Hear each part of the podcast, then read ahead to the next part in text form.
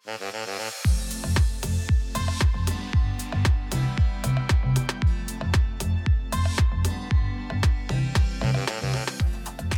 taas kuulama Tervisekassa podcasti, mina olen Evelin Trink, igapäevaselt Tervisekassa kommunikatsioonijuht ja üks Tervisekassa podcasti saatejuhtidest. Siin saates räägime ikka tervisest ja jagame soovitusi, kuidas oma tervist ise hoida. kuulame erinevate inimeste kogemusi ja arutame koos oma ala ekspertidega, kuidas siis üht või teistviisi, aga ikka tervemalt elada ja täna on meil külas kopsuarst Terve Sõõru, kes on ravijuhendi täiskasvanute unehäirete esmane diagnostika algataja ja töörühma juht unest rääkides, siis äh, Shakespeare'i prints Hamlet on lausunud ajatud luuleread, mida tegelikult iga inimene mingis osas vähemalt peast teab. surra magada, jah magada, võib-olla undki näha. Äh, Erve Sõõru, tere tulemast meie saatesse. tere tulemast ja, ja tõesti, ega ta midagi valesti ju ei öelnud, sest uni on määrava tähtsusega meie päevasele enesetundele, töövõimele ja meeleolule.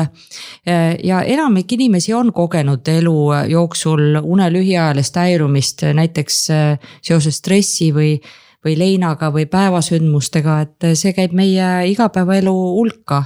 aga uni on vajalik osa ja me magame oma nii-öelda ööpäevast kolmandikku, kes neljandikku, et, et nii see on. magame siis oma elu maha, võiks öelda neljakümne äh, aastaseks elades me oleme maganud oma elust äh, kas kuusteist aastat. ohoh, mina olen nelikümmend üks, nii et kuusteist aastat ja veidi rohkem olen siis maganud, kui ma olen hästi maganud kui, kui olete hästi maganud, jah. me just enne saadet veidi rääkisime sellest ka, et uni on läbi aastasajandite väga palju muutunud tänu sellele, kus me täna elame ja milline on meie elutempo, et.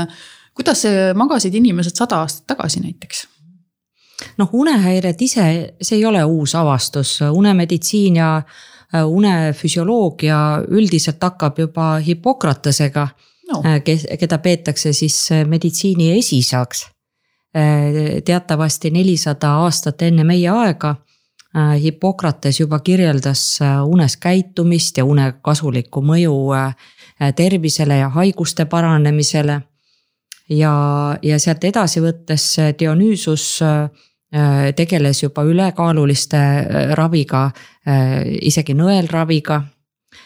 ja Shakespeare, kas see oli tuhat kuussada kolm, kirjutas ju Macbethi ja seal kirjeldatakse esmakordset unes kõndimist oh ja kui võtta erinevaid noh, ütleme seda unemeditsiini ajalugu, siis paljudel juhtudel just erinevaid unehäireid käsitletakse novellides, kirjandusteostes ja Äh, kasvõi äh, praegu äh, uneapnoe ja ülekaaluliste nii-öelda eelkäija või, või samuti sünonüüm Bickwicki sündroom. siis seda kirjeldas tuhat kaheksasada kolmkümmend kuus esmakordselt Charles Dickens, kes kirjeldas siis paksu poissi, Joe'd, kes norskas ja oli Äh, unine ja siis hiljem äh, tuhat üheksasada viiskümmend kuus kirjeldas oma paberites just seda punapõskset poissi, kes muudkui aga oli äh, unine. ja tänapäeval kasutatakse palju uinuteid ja, ja nende avastaja on siis Adolf von Bayer tuhat kaheksasada kuuskümmend neli. Need uinutid on ikkagi väga pika ajalooga, aga unemeditsiin Äh, nii-öelda selle meditsiini mõttes ei ole nii pika ajalooga. Äh, näiteks äh, kas oli tuhat üheksasada kuuskümmend, kuuskümmend üks, siis loodi Sleep Research Society ehk siis selline unemeditsiini spetsialiste, teadlasi ühendav organisatsioon ja käesolevalt, kui me uneuuringuid skoorime ja hindame, need teadmised panid kirja mm, alles Eh, head kolleegid praeguseks eh, veidi alla viiekümne aasta tagasi, eh, siis Kools ja Redschaffen no tundub, et siit tundub, et äh, selline uni on olnud pigem ikkagi selline algselt äh, teatud kitsama valdkonna inimeste huvi, on siis olnud mõned kuulsad arstid või siis äh, mõned kuulsad kirjanikud. uni on mõnes mõttes ka müstiline asi, et, et, et ma ei tea, kas täna üldse teatakse veel, et mis inimesega unes väga täpselt toimub, kust tulevad näiteks unenäod või, või miks me unes liigutame, miks me ühte koma teist teeme seal unes, et. et kas, kas unenägusid saab ise endale ette kujutada või päevasündmused uuesti läbi elada, et palju me tegelikult unest teame selle, sellest, mida, mis inimesega toimub magades unemeditsiin järjest areneb nagu iga teadusala ala ja me teame unest järjest rohkem. ja kui alustati unestaadiumite registreerimist ja nagu ma ennist ütlesin, et, et kirjutati just skoorimise reeglid kenasti üles, siis äh, me teame ka seda, et millistes unestaadiumites see inimene magab, kui und siis registreerida. ja, ja, ja me teame, et äh, kui pikk see uneaeg on ja, ja millised need unetsüklid on. nii et näiteks uni üldiselt jaotub siis REM-uni ehk siis kiirete silmade pilgutustega uni Äh, see on siis selline väga oluline unestaadium, kus äh, nähakse unenägusid ja äh, talletatakse mälu, ehk siis kirjutatakse kogu aeg nii-öelda aju kõvaketas üle. ja, ja siis on erinevad unestaadiumid, esimene, teine, kolmas ka neljas unestaadium ja mida sügavam on unestaadium, seda enam siis inimese füüsis välja puhkab. ja ja inimesel peaks olema ikkagi äh, kenasti esindatud kõik unestaadiumid, et see uni oleks täisväärtuslik ja hommikul ärgates äh, tuntaks, et on hästi magatud.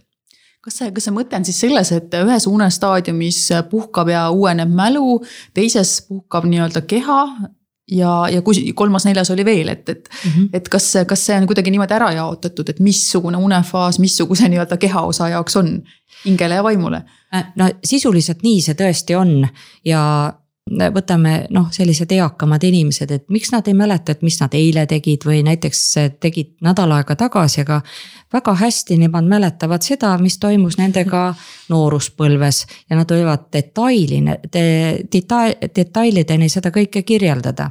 ja just ähm, äh, äh, selle põhjuseks on see, et vanemaealistel äh, on uni pindmisem, nendel puuduvad sügavunefaasid Äh, või neid on vähem ja seetõttu on ka REM-une äh, faase vähem ja kuna seda REM-und on neil vähem, siis äh, nii-öelda aju ei kirjuta või aju kõvaketas ei kirjuta seda informatsiooni üle ja nad ei pruugigi mäletada, mis nendega täpselt toimus.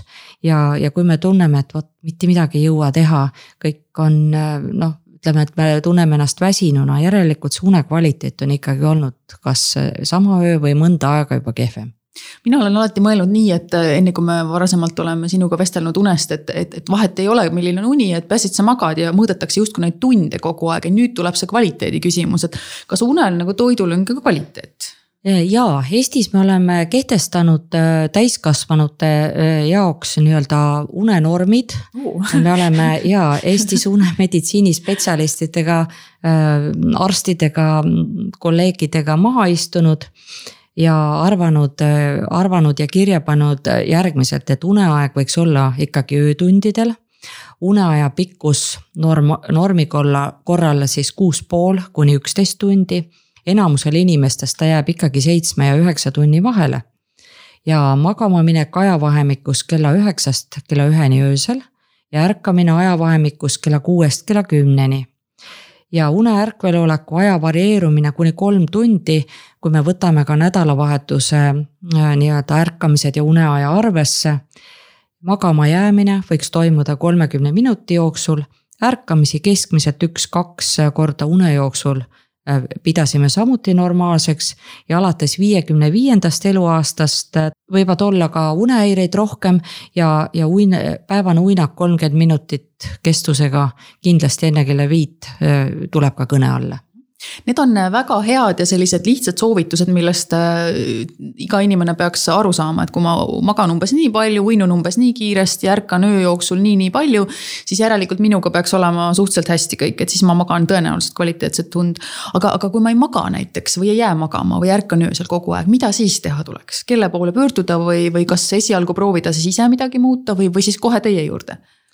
Eh, noh, kõige lihtsam on üle või tähendab und, ma soovitan alati tähtsustada ja une peale spetsiaalselt mõelda ja kui me ei mõtle ja peame und äh, loomulikuks, siis äh, tänapäevases ühiskonnas see enam ei toimi ta ei toimi äh, eeskätt seetõttu, et me kasutame väga palju nutiseadmeid ja me enam ilma nendeta ei saa. ja me peame oskama oma une ärkveloleku rütmi teadlikult juhtida. ja me peame mõtlema ka sellele, mida me, kuidas me toitume, mida me päeval teeme, kui palju me enda heaolule mõtleme ja, ja, ja selle, selle kõigega ma soovitan kõigepealt tegeleda. ja, ja võttagi noh, kasvõi paber kätte ja kirjutada üles, et mis kell ma reaalselt magama lähen, mis ma päeval teen et, et hakata tegelema süsteemselt, mõelda enda iga noh, päevased toimetused läbi, sest kui me magame, siis meil ei ole enam mitte midagi teha, me ootame hommikut ja hommikul teeme järelduse, kas see uni oli hea või oli see halb. aga päeval me saame just hea une nimel palju, palju ära teha. Neid noh, ütleme neid tegevusi on muidugi mitmeid mitmeid, äh, millest võib-olla veidi aja pärast räägiks. aga millal peaks arsti poole pöörduma, kui ikkagi ei tule endal mitte midagi välja. Äh, ei saa hakkama, ei tule und. see on kestnud vähemalt kuu-kaks. siis võiks pöörduda perearsti poole ja, ja küsida abi et minuga ei ole kõik korras, et kuidas oma normaalne elu, elurütm nii-öelda saavutada.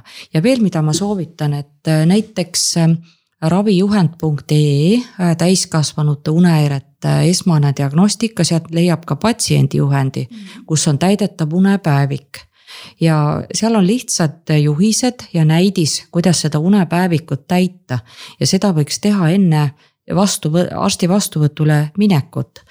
see on hea mõte mõttekäik ka enda jaoks.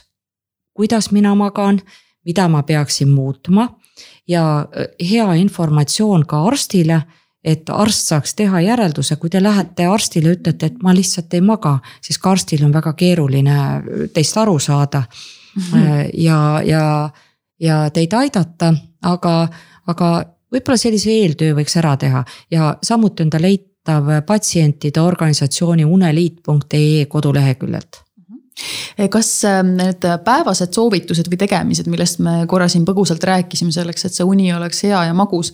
on, on midagi sarnast nagu ka teiste, teiste selliste tervislike eluviiside teemasse kaevudes, et näiteks liikumine, võib-olla mitte nii väga stressamine tervislik toit, rohkem värsket rohelist, vähem õhtul hilja rasvast. et on see midagi sellist, mida inimene peaks jälgima või on seal veel mingeid ekstra nõuandeid, mida pole varem kuulnud? Äh, ja kindlasti on nõuandeid, nõuandeid veel, et magama peaks minema võimalikult ähm, arvestusega võimalikult ühel ajal et ka nädalavahetuste mm, nii-öelda magama minekuid, ärkamisi arvestades võiks see rütm üldiselt olla Äh, suht ühesugune. noortel inimestel on kindlasti, kellel on, äh, kes on aktiivsemad, neil on seda äh, raskem reguleerida ja kindlasti on ka öötööd ja vahetustega tööd tegevatel inimestel seda raskem reguleerida, kuid peaks olema enda jaoks kehtestatud mingi konkreetne magama mineku aeg. ja mm, tuleks vältida tukastamist päeval, mis on siis pikem kui kolmkümmend minutit ja peale kella viit, sest see hakkab sööma nii-öelda ööund, mis mm. peab olema terviklik ja mis on vajalik. ja tänapäevases ühi-, ühiskonnas ma tean, et IT-firmades on palju paljudes ka juba sellised äh, nii-öelda päevased magalad. aga siis sisuliselt need on nii-öelda unehäire mm, likvideerimiseks ja seal on see põhjuslik seos on needsamad nutiseadmed. Et mis, mis nende inimeste tervist mõjutavad. siis alkoholi tarbimist, me tegime mm, ühe väikse uuringu teadus, tead-, teadusuuri-, vaatasime teadusuuringuid ja kakskümmend kaheksa protsenti inimestest lahendab äh, magama jäämist alkoholi tarvitamisega. see on väga suur number. kuidas see aitaks, ma mõtlen, et mis, ma, usun, et võib-olla soe piim võib-olla meega või, või, või tassike teed, aga magama jäämiseks alkohol? alkohol, alkohol äh, toimib kui antidepressant, kui rahusti, mis mm. aitab unel hästi tulla, kuid äh, samas on ka ta süsivesik, mis tõstab nii veresuhkru taset kui ka metaboliitide nii-öelda äh, erinevate metaboliitide taset organismis, nii et kokkuvõttes see unekvaliteet kindlasti äh, hea ei saa. teisalt me tarbime päris palju kohvi ja kui me mõtleme, et kui palju me kohvi tarbime ja kofeiin on siis see, mis blokeerib adenosiini retseptoreid, mis aitavad ka unel hästi tulla ja, ja just päeva teises pooles kohvi tarbimine ja võib-olla ka sellise kange tee tarbimine, et äh, tuleks ähm, taha plaanile jätta. natuke magusat ja selline kerge söök äh, enne und ei ole halb, aga kindlasti selliseid rasvaseid toite tuleks tuleks vältida, sest organism jääbki neid seal öösel niimoodi seedima ja, ja, ja nii-öelda une tervik, terviklikkusega nii hästi ei ei toimeta. Äh, tänasel päeval on levinud ka näiteks äh, äh, nii-öelda selline füüsiline koormus treeningud, mida tehakse väga hilja õhtuti mm,. ja, ja minnakse lausa trenni ka kella üheksast ja kella kümnest. ja nendel õhtutel paljudel inimestel on ka inimesi, kes tõesti suudavad hästi magama jääda, aga paljud inimesed ei suuda magama jääda mm.. ja sellepärast, et et nende organism on nii-öelda sihuke erutunud ja, ja see ei ole hea une saabumisele just kõige mõistlikum nii-öelda mõte. ja ma arvan, et ainsad, kellele ööd, öösiti jõusaalides käik sobiks, on tõenäoliselt need inimesed, kes teevad ka öötööd ja on sellised sük-, tsüklis, et nad ähm, nii-öelda sellel, äh, sellel ajal nad ongi aktiivsed, aga noh, ühel hetkel tuleb sellest tsüklist ka välja tulla. aga kuidas äh, vahetustega töötavad inimesed peaks siis toimetama, et kas neil siis selle nii-öelda öösel töötades versus siis päeval magades on ka ikkagi oma selline unegraafik? kuidas seal mõistlikult toimetada, sest neid inimesi on päris palju, arstid on ju ühed neist Äh, ja äh, kindlasti on äh, siin roll tööandjatel, kuidas see töögraafik on nii-öelda paika pandud. ja kindlasti roteeruv töögraafik peaks olema pärisuunas, ehk siis kellaaja, mm, et kui on hommikune vahetus, siis järgmiseks on lõunane vahetus ja seal öine vahetus. Ja ja minu teada Päästeametil on väga kenasti paigas, et on kakskümmend neli tundi on öövalve või, või ööpäevavalve ja siis on neil kolm päeva aega et äh, nii-öelda organism tasakaalu taas lüüa ja, ja siis uuesti. ma ütleksin niimoodi, et, ähm, et kõik see tööaeg, mis algab enne kella kaheksat ja peale kella kuut, see on tervisele mingis mõttes äh, suurte riskidega, sellepärast et organism äh, organism vajab, vajab äh, noh muid tegevusi, kui kui siis, kui siis tööl olla. öö ajal magamist või siis ka sotsiaalseid tegevusi teiste pereliikmetega näiteks noh, samal ajal. see kõlab nagu ähm, ma isegi olen veidi üllatunud, sellepärast et ma arvasin kuidagi oma, oma mõttes, et noh, et üheksani töötamine on ju täiesti õhtuti okei okay, või kaheksani näiteks, et. ka tänases jätkuvalt sellises pandeemia hõngulises olukorras minu kolleegid sage, sageli ja ka ise teinekord olen juhtunud ikkagi ärkama seal arvuti taga töö, tööhoost alles õhtul hilja. et mina arvasin, et need piirid on kuidagi kaugemal, et noh, et kell üksteist, kui lõpetad oma tööpäeva, on okei okay,, et. et miks või, või võib seda lühiajaliselt teha niimoodi? Jah, kindlasti seda võib lühiajaliselt teha, aga eh, inimesed on ka nii-öelda erineva kronotüübiga, mõned on hommikutüübid, mõned on õhtutüübid ja mõned ei kuulu neist kummassegi rühma. sellised ei kummassegi rühma kuuluvaid on enamus ja neid on umbes kuuskümmend protsenti elanikkonnast. õhtutüüpe veidi rohkem aga neid on siis äh, umbes kakskümmend, kakskümmend kaks protsenti ja hommikutüüpe siis äh, kaheksateist protsenti. kui me võtame näiteks teadus- ja arendustöötajaid, kes peavad äh, mõtte, mõttega tööd tegema ja mõtlema oma teadusuuringutele, arendustöödele mingisugust sihukest kontsentreeritud tööd. ma peaks ütlema, et ka neile ei pruugi subi, sobida kella üheksast viieni töögraafik. sellepärast, et nad eelistaksid äh, teha seda tööd muul ajal. ja äh, kuidas riik, kuidas tervis, kuidas ähm, see inimene ise oma ööpäeva rütmidega sellisele liikuvale töögraafikule vastu peab et selles osas kindlasti vaja teha uuringuid aga ma saan aru, et see õhtu ja, ja hommiku inimeste lugu siis ei olegi linnalegend, et päriselt on sellised tüübid olemas, millest see sõltub, kuhu tüüpi ma siis nii-öelda ähm, kuulun? ma ütleks veel algatuseks, et äh, inimese kronotüüp ehk äh, millisel ajal päevast ta, ta oleks aktiivne, ta on võimeline tegema sellist loomingulist tööd. Äh, see on indiviiditi erinev ja on ta erinev ka vanuseti ehk siis äh, nelja-aastane äh, on pigem hommikutüüpi inimene, aga kahekümne aastane noor on meie ühiskonnas kindlasti õhtutüüpi inimene. neljakümne aastane ei kuulu äh, ühtegi tüüpi, ehk ta on selline vahepealne ja siis hakkab taas nii-öelda diferentseeruma, kes on rohkem hommikutüüpi, kes õhtutüüpi, kes, kes ei kuulu Äh, kuulu nii-öelda ühtegi tüüpi. ja noortel on kindlasti oma ööpäevarütmi natuke kergem reguleerida, kui seda on, äh, seda on vanemaealistel. ja küllalt on ka näiteks riike, kus, kus, äh, kus nii-öelda meditsiinis näiteks siis öövalveid üle viiekümne viie aastased enam ei teegi, sest see on riiklikult selliselt kehtestatud see unemaailm ja, ja uneteema on ääretult, ääretult põnev ja ma usun, et me võime väga pikalt rääkida sellest, aga, aga miks see uni nii tähtis on, et. kui me ei maga korralikult, sügavalt ja piisavalt, mis siis meiega juhtub, et noh, siin noored inimesed, kes väljas käivad, pidutsevad üks-kaks päeva, peab ilusti vastu ja siis magavad pikalt, et. on, on see kehv uni siis päriselt ka tervisele kahjulik või see on lihtsalt selline manitsemise koht, et lapsed varem magama saada? Mm. -hmm. uni on vajalik ja une ajal äh, ei toimu absoluutselt puhkamist ja mõned ajuosad on une ajal isegi aktiivsemad kui päeva ajal ja äh, näiteks miks uni on oluline, uni on oluline, et me suudaksime taastuda, me suudaksime välja puhata, et me suudaks energiat koguda, seda konserveerida.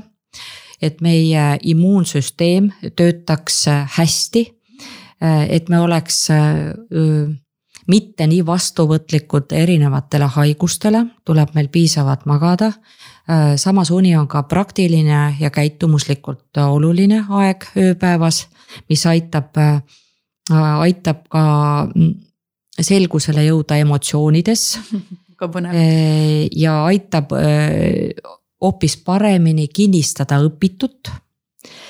ja noh, ütleme, kui me näeme näiteks halbu unenägusid, siis see jääb piinama. võib jääda piinama ka head unenäod, need võivad inimest ka väga positiivselt mõjutada ühesõnaga siit võiks ju teha lühikese järelduse, et inimesed, kes magavad hästi, need on paremas kontaktis või paremas läbisaamises oma tunnetega.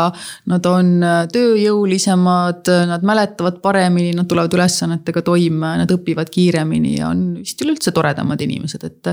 eks see elu ju seda näitab ka, et kui mõni kolleeg tuleb torssis hommikul tööle, siis võib kohe küsida, et kuidas sa täna magasid et see on selline äh, viisakus äh, küsimus nagu, nagu ikka. aga räägime veidi veel noortest inimestest, et me siin saate alguses ka korra ehm, eetriväliselt rääkisime sellest, et noored inimesed äh, sageli tarvitavad äh, melatoniini näiteks, et.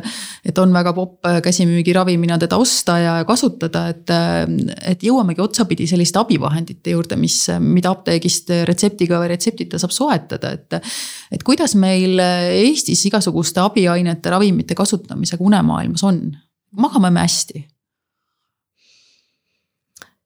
me unemeditsiini seltsis oleme mõelnud, et kui hästi magab Eestis inimene. täpsemaid uuringuid selle kohta reaalselt tehtud ei ole aga kui me tugineme seal Lääne-Euroopa andmetele, siis unehäired esineb kusagil kolmekümnel protsendil inimestest ja viiskümmend protsenti inimestest, kes võiksid abi paluda, nad seda siiski ei tee.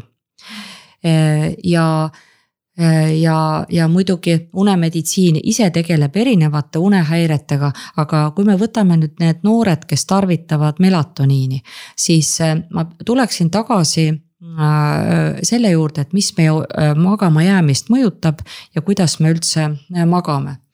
me jääme magama seetõttu, et melatoniini tase organismis tõuseb ja seda mõjutab nii-öelda hämar valgus ja, ja nii-öelda käbinäärme käbinäärmes produtseeritav ehk toodetav melatoniin, mis annab meie kehale teada, et nüüd on aeg magama minna mm,. keha suudab seda ise toota? ja keha suudab seda ise toota, melatoniini nimetatakse ka äh, nimetatakse ka unehormooniks mm,. kaunis nimi tal ja aga, aga see, mis puudutab nüüd noorte ja üldse inimeste melatoniini tarvitamist, siis see on äh, tänase ühiskonna mm, teema.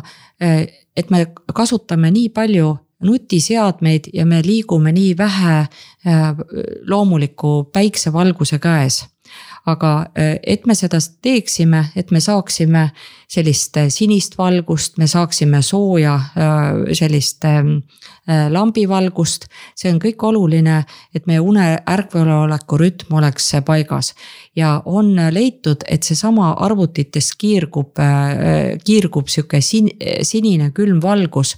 see on otsene blokaator ehk takistus melatoniini tootmisele organismis ja teatavasti noored, nemad ka sageli, kas nad on arvutites, kas nemad on siis äh, oma nutiseadmetes. ja, ja kui nad äh, siis ka seal midagi põnevat teevad, kellegiga suhtlevad, see hoiab omakorda organismi ärksa ja, ja juhul, kui siis soovitakse enne kooli magama jääda, no see uni ei tule ja ütleksin ka seda, et kuigi apteegivõrgus on äh, nii-öelda melatoniini tabletid kenasti olemas ja äh, võiks apteekriga ka nõu pidada, et kas on mõistlik või on mõistlik midagi muud või on, on siis mõistlik ka abi küsida äh, seda nimetatakse noorte puhul siis nii-öelda melatoniini asendusravi. aga kui ta jääb ikkagi hommikul sihuke unisust mõjutavaks ja, ja hommikul tunnetatakse ikkagi, et une kvaliteet ei ole hea, järelikult äh, melatoniin ei ole sel juhul olnud äh, hea valik melatoniin kindlasti sobib äh, eakamatel, kellel on nii-öelda nägemisprobleemid võib-olla teatud juhtudel ka pimedatele, kes ei suuda äh, silma, mm, kelle silmast nii-öelda valgust ei erista. ja, ja selliseid absoluutseid või noh, konkreetseid näidustusi, et äh, neid melatoniinil on natukese vähem ma saan siis aru sellest, et tegelikult äh, inimesed asendavad melatoniiniga äh, sellist äh, jälle ühte tervislikku asja nagu liikumine, et noh, võib ju siin praegu tegelikult detsembrikuus öelda, et me oleme siin stuudios, kus on äh, suured aknad ja näen, et väljas on tõesti sinise spektri ja, ja kollase spektri igasugust valgust. päike paistab peaaegu, et, et äh, kliima on ka ju tegelikult selline, võiks öelda, et noh, et meil ongi pime, et kus ma seda valgust siis saan ja siis lähengi poest ja võtan selle tableti või, või pihusti. et ähm, kui palju siis seda valgust vaja oleks ja millega seda kodus nii-öelda asendada, et kas ma siis vaatan lambipirni või või kus ma siis seda silmale seda rõõmu saan, et öösel hästi magada, et mis siin mm -hmm. alternatiivid on? no meie elame jah, sellises, sellisel laiuskraadil, kus meil suvel on kaua valge ja, ja praegu on selline aeg, eh, kus on kaua, eh, kaua pime ja me seda valgust õieti ei saagi. Eh, ja on leitud, et just talveperioodil inimene, inimene magab ka õige natuke rohkem, kui ta magab suve ajal ja kui me võtame üldse sada aastat tagasi, et kuidas inimesed siis magasid, siis nad magasid vähemalt tunnikese kauem, kui nad magavad tänasel päeval. ja tänasel päeval on just needsamad nutiseadmed ja võib-olla füüsilise koormuse vähesus see, mis mõjutab äh, une kvaliteeti koos äh, muidugi stressiga, stressiga ja stressiga enam kas vanasti siis inimesed tegid lihtsalt rohkem füüsilist tööd, et see uni oli vajalikum või oli lihtsalt igav, et ei olnud midagi teha, et tuligi rohkem magada? Noh, vaevalt nad äh, seal toas pimedas ja pirruvalgel ainult olid, võib-olla talvel noh ka, et kudusid ja. ja, ja, ja millist käsitööd nad siis tegid. aga suvi on jah selline aeg, et kus see uni ei taha hästi tulla äh, ja, ja talv on niimoodi, et siis me kasutame erinevaid selliseid nutiseadmeid ja võib-olla siis töötame rohkem, on stressitase kõrgem, et äh, need mõjurid on meil igal juhul olemas.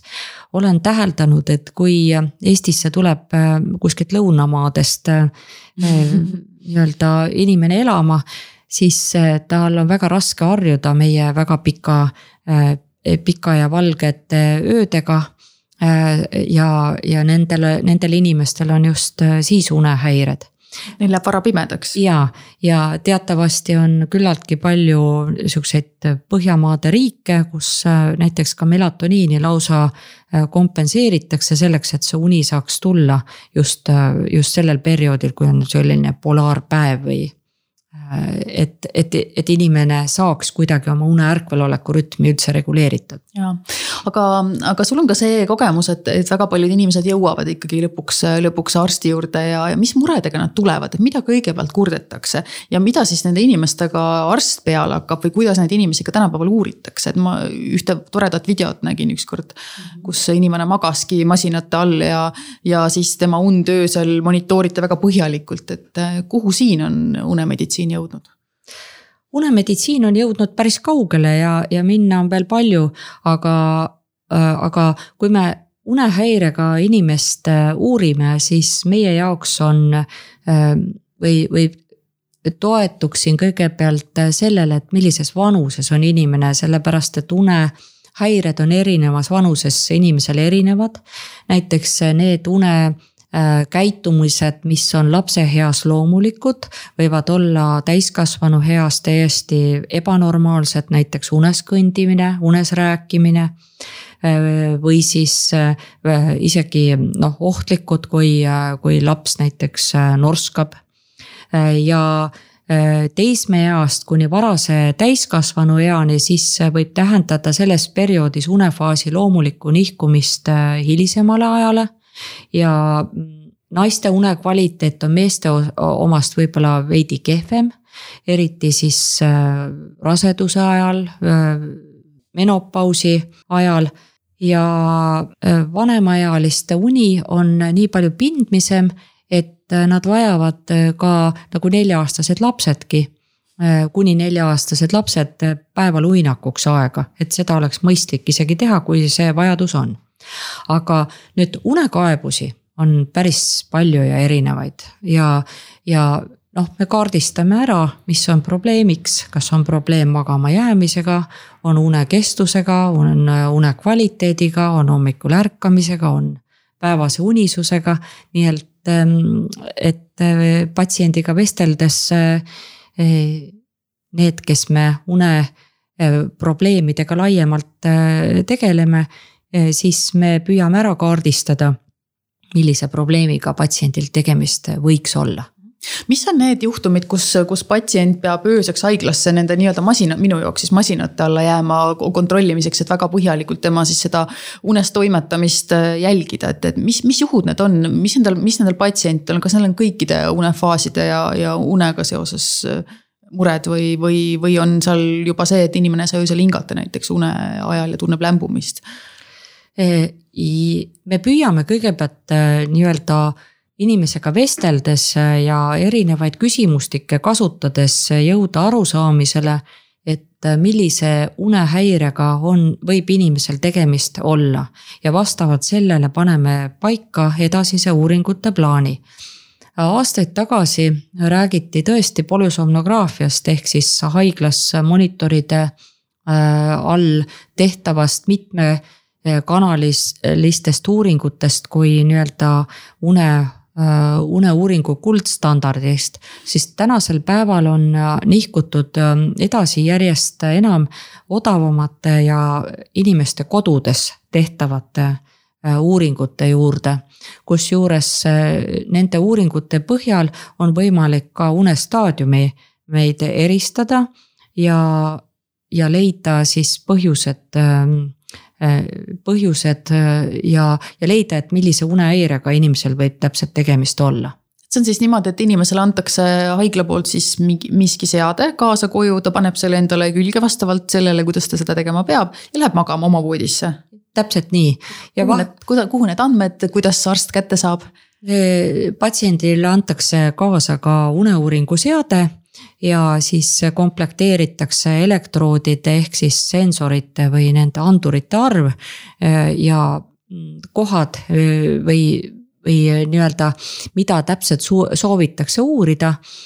ja ja ma ütleks ka seda, et mida vähem on elektroode küljes inimesel, tõenäoliselt seda paremini ta ikkagi selle uneuuringu aparaadiga magab. et see on ka veel, uurime ja, ja siis tema läheb koju, paneb kenasti need äh, andurid endale juhise järgi kinni, äh, nii-öelda kehale kinnitab ta tuletab kõike meelde, mis talle raviasutuses räägiti, äh, kuidas seda teha. vahel me jätame mõned andurid ka külge äh, patsiendile juba äh, nii-öelda õe vastuvõtul, et need neid andureid on patsiendil raskem kodus endale nii-öelda külge kleepida mm. -hmm. hommikul ärgates, siis tema võtab selle, need andurid omal kenasti keha küljest ära, paneb kotikesse ja toob siis aparatuuri raviasutusse, kus siis uuringu Äh, seadmest andmed arvutisse laetakse ja siis neid uuringu andmeid hakatakse skoorima.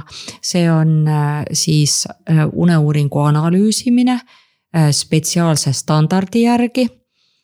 ja, ja siis jõutakse järeldusele, et kas inimesel on või ei ole unehäiret, milline on tema une efektiivsus, kuidas tema on maganud, kui aktiivne noh, millised unehäired, millise raskusastmega ja sealt hakatakse siis edasi toimetama. sageli äh, ei anna vastust ka see uneuuring ise hmm.. et on vaja teha mõned täiendavad uuringud, et saada aru, milline see ravimeetod inimesel täpselt äh, une parandamiseks võiks äh, välja, välja kujuneda. või mis on konkreetse unehäire raviks kõige, kõige parem meetod mis kogemus ütleb, et, et, et kuidas inimesed jõuavad ikkagi arsti juurde, et kas, kas nad ise tulevad selle peale, et on vaja minna või, või sageli juhtub ikkagi nii, et inimene läheb hoopis mingisuguse muu hädaga, ma ei tea, näiteks pea valutab, läheb hoopis perearsti juurde, perearst jõuab kuidagi järeldusele, et tegelikult siin võib olla taga hoopis see, et inimene magab väga-väga halvasti, et. et kui sageli aetakse segi muid tervisehäireid sellega, et tegelikult see juurpõhjus, valgpõhjus on seal see, et uni on kehv ma ütleksin, et inimesed ei teadvusta, et äh, nad magavad halvasti ja nad ei oska enna, endal äh, pikka aega kestnud unehäire korral üldse unehäiret kahtlustada. ja need inimesed, kes magavad üksi äh, ja neil ei ole isegi infot, et kas nad öösel norskavad, kas nendel ka öösel midagi mm, sellist kummalist toimub magamise ajal. Neil ei ole kedagi, kes neile üldse seda ütleks siin, äh, kas ma arvan, et see oli kas kaks tuhat seitse, kaks tuhat kaheksa aastal me, äh, ma tegin uuringu. Äh, ja umbes kolme tuhande uuritava peal ja leidsime et, et kolmkümmend seitse protsenti vähemalt keskmise raskusastmega uneapnoe haigetest nad magavad eraldi tubades ja mm. norskamise kaebuse tõttu. et kui üks inimene näiteks norskab, siis tema kõrval äh, samas toas äh, magav inimene ei saa samas toas magada. ja paljud unehäired, need äh, ongi magamistoa ukse taga, kui seda ust tähendab, ei oska patsient ise avada, ei oska ka arst sinna nii-öelda kahtlustada, seetõttu me oleme Eh, siis perearste ka informeerinud teatud eh, parameetritest, teatud kaebustest, et, eh, et, et patsiendi anamneesi ehk siis haigusloo kogumisel võiks uurida ka une kohta mm. et kas uni on olnud hea, kas inimene on sellega rahul või siis teatud konkreetsed mõõtmised, kus inimene ei oskagi arvata et temal unehäire võiks esineda, aga tegelikult võib, võib selle noh, paljude muude kaebuste taga ollagi just äh, mingisugune raske unehäire. mis võiks olla sellised kaks-kolm peamist nagu tulemus-tagajärgi, kus võiks inimene juba hakata ise mõtlema, et äkki mul selle valu või ebamugavuse või selle sümptomi taga on tegelikult kehv uni paljude haigustega kaasuvad unehäired, need on luuliiges, liigeshäired ja eriti seljavalud. et äh, kui inimesel on äh, voodis keeramisel ühelt küljelt teisele, ta tunneb, et temal on noh, valud, need, mis teda häirivad, ka sellest võiks arstile rääkida. aga ikkagi seda und ja une kvaliteeti inimene hindab hommikul, kui hästi mina magan, eh, kas ma olen väsinud, kas ma saan oma päevatoimetustega normaalselt hakkama noh, sellised kaebused, et äh, raskused uinumisega, mittekosutav katkendlik uni, liiga varane ärkamine, mis on üks äh, unetuse tunnustest.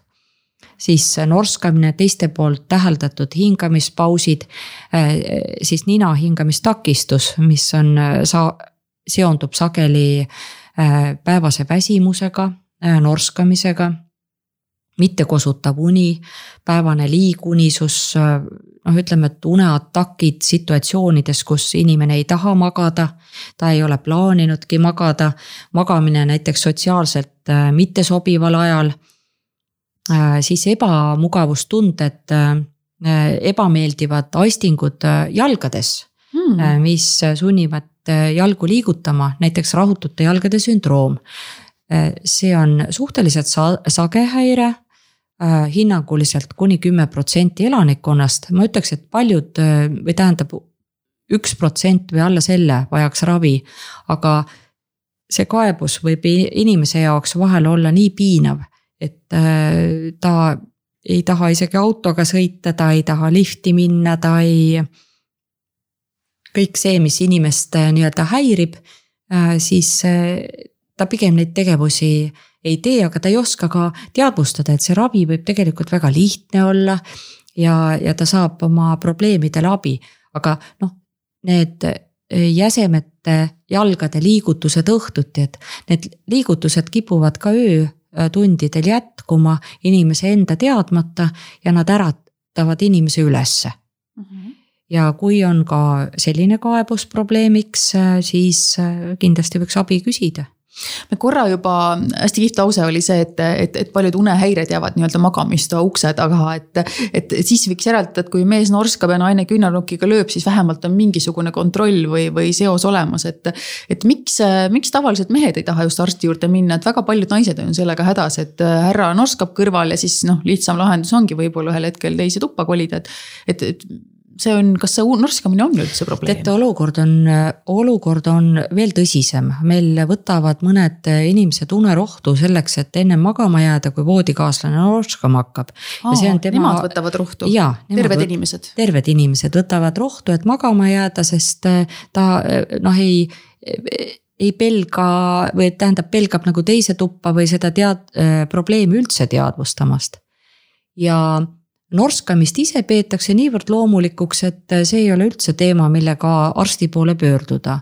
ja kolmas, mis mulle hetkel kohe pähe torkab, et aastaid tagasi, kui me uneteemadest hakkasime Eestis enam kõnelema ja siis käis noh, enamasti ikkagi naised vastuvõtul, aga ega probleem ei ole minus, probleem on minu voodikaaslases, kes norskab, et aga ma ei saa teda kuidagi arstile, arsti vastuvõtule. tänaseks päevaks on kindlasti see lahenenud, aga tegevust, tegevust ja, ja kuidas, kuidas seda veel paremini teha, et eks seda näitab aeg jõudsime ravimite teemani ka kenasti, et kuidas Eestis äh, und soodustavaid ravimeid kasutatakse, ma ei oska öelda ka isegi, kuidas neid nimetatakse, ilmselt nad on, uinutid on vist vale sõna, eks ju. aga kuidas meil võrreldes teiste riikidega selles vallas läheb, et kas me sööme liiga palju ravimeid, sööme liiga vähe ravimeid, peaksime rohkem arsti juurde minema, küsima retsepti. kuidas see, see maailm siin Eestis on e? Kui me hakkasime hmm, tegema või mõte liikus täiskasvanute unehäirete esmase diagnostika ravijuhendini. Eh, meid tõesti ehmatas see, kui palju inimesed tarvitavad uinuteid, eh, uinuteid ja ja me võtsime andmed ka Ravimiametist ja tõesti see uinutite kasutamine oli tõusu, tõusutrendiga ei arstkond ega elanikkond osanud unehäireid endal kahtlustada ja midagi muud mõistlikku kui uinutit ei osatud ka unehäire parandamiseks välja kirjutada. tänaseks päevaks ma ütlen, et ütleksin, et Eesti Unemeditsiini Selts on suutnud arstkonnale kindlasti rohkem teavet anda ja vähemalt alustada selle tööga, et mõeldaks une patsiendi une kvaliteedile põhjalikumalt ja põhjalikumalt ka une uurimise vajadusele. ja e, kui me võtame e, uinutite kasutamist, siis aastaid tagasi tegi minu hea kolleeg e, Katrin Põld, kes on käesolevalt ka Eesti Unemeditsiini Seltsi president, uuringu ja võrdles uinutite kasutamist Eestis ja siis Põhjamaades ja leidis, et, et meil on olukord, olukord isegi umbes analoogne, mõneti võib-olla isegi natuke parem. aga me kasutame erinevaid ravimeid ja me kasutame uinuteid ja mitte ei kasuta muu, muid und hästi soodustavaid ravimeid niivõrd, niivõrd. see tähendas seda, et meie teadmised unest, unemeditsiinist ei olnud sellel hetkel äh, just, äh, just nii head. ja selliseid kiireid tulemusi loota siin ei ole, aga, aga ma loodan, et see stressirohke aeg nagu meil siin praeguselt ka seoses koroonaviirusega lisaks kukil on, et see, see ei mõjuta meie und nii olulisel, olulisel määral äkki on koroonaviirusest hoopiski abi, et inimesed ei pea enam võib-olla osaliselt nii palju kihutama kuskile, paljud kohad on kinni, selline surve kuskil käia, osaleda on tagasihoidlikum, pigem on ju mõistlik hoopiski koju jääda ja, ja mitte mööda suuri üritusi üldse käia ja lisaks osad inimesed saavad kodukontoris töötada, millega jääb ära selline igahommikune kiirustamine, liikluses toimetamine, et.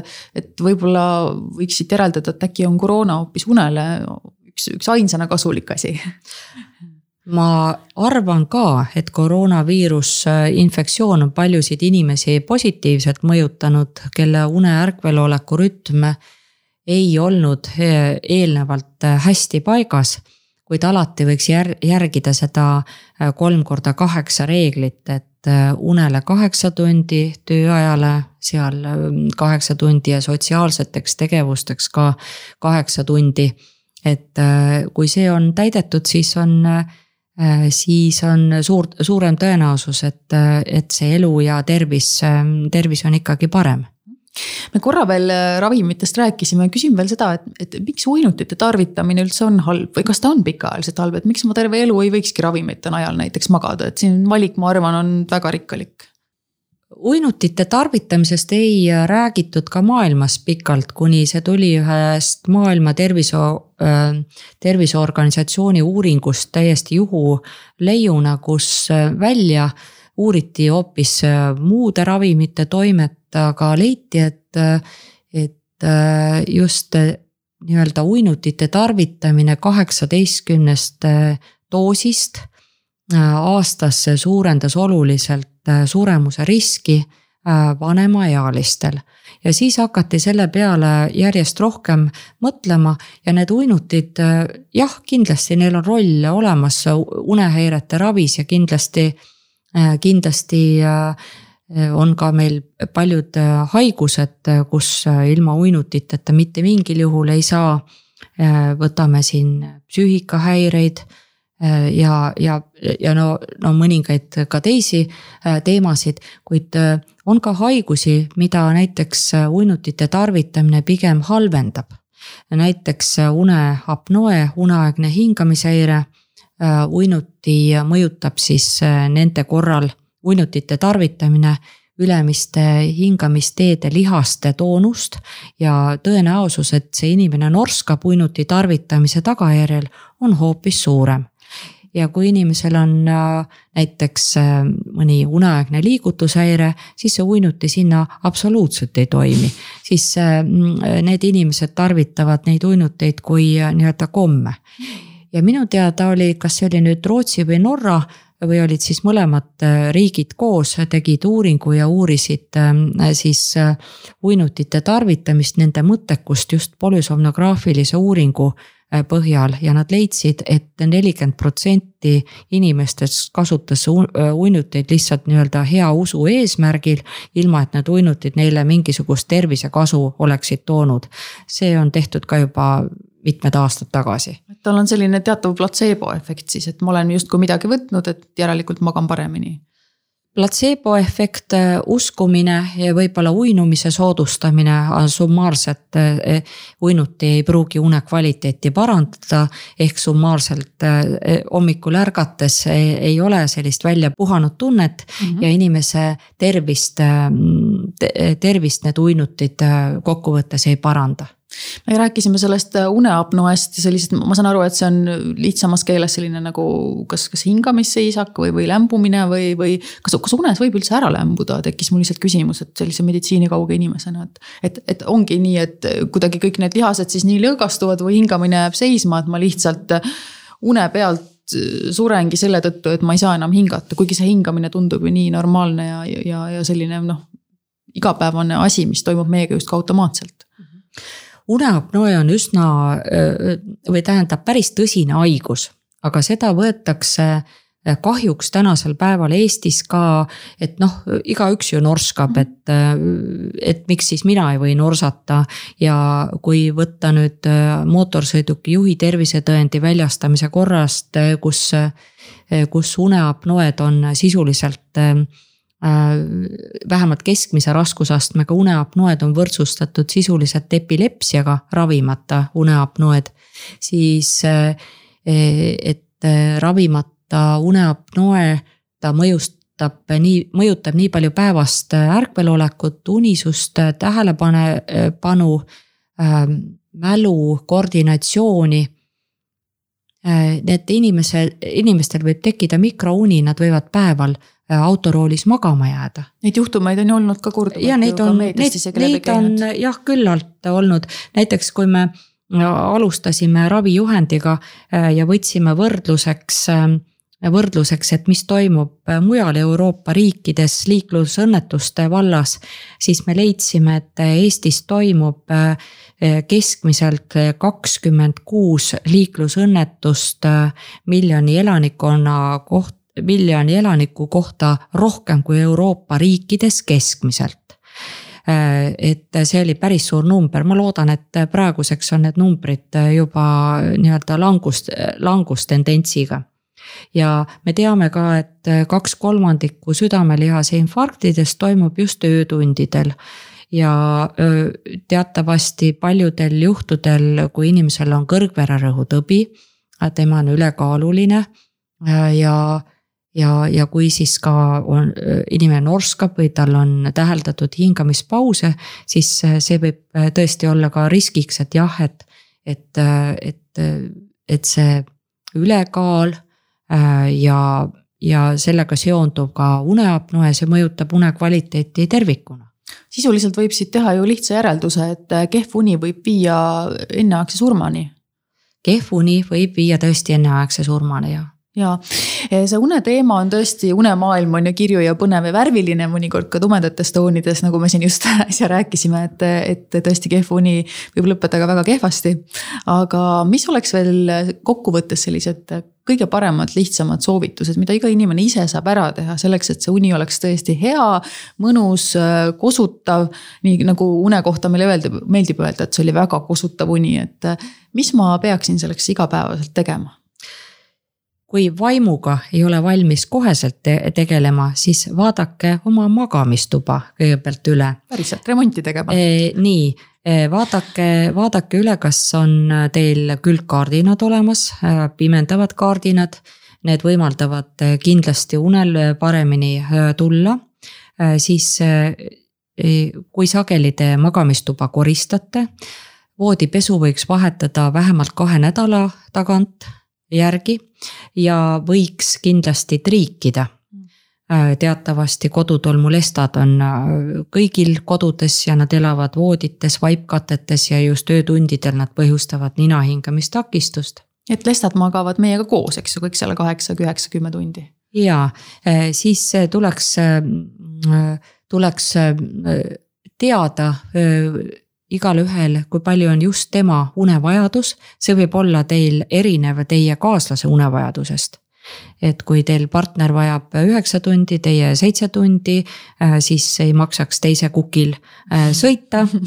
järelikult te vajategi äh, noh, natuke, natuke vähem und ja laske omal partneril magada siis võiks mõelda, et kas teil padi, madrats, olete neid vahetanud ammu, kui mugav teil üldse voodis magada on. siis söömise Äh, füüsilise koormuse peale, noh söömine eeskätt just õhtutundidel. Äh, et äh, mitte, mitte süüa just hilistel õhtutundidel ja mitte süüa suurt, suurt söömaaega, et seda põhisöömist ja loomulikult alkoholi tarvitamine. siis kohvi joomine. Jah, ma arvaksingi, et selline mõõdukus, regulaarsus, normaalne unerütm, teadlikkus et ma oma nutiseadme ikkagi konkreetselt kinni panen ja, ja ka nii-öelda tehnika magamistoast välja viin, see kõik on hea, heaks uneks vajalik. ja, ja, ja siis hakkab niimoodi järjest minema nii et äh, ega siis selle pika ja, ja põneva jutu kokkuvõtteks võiks öelda, et soovime kõikidele inimestele, et neil oleks mõnus, ubane ja pime magamistuba. ja et see uni oleks kuldne, pikk ja sügav ja siis tuleb ka järelikult tervist.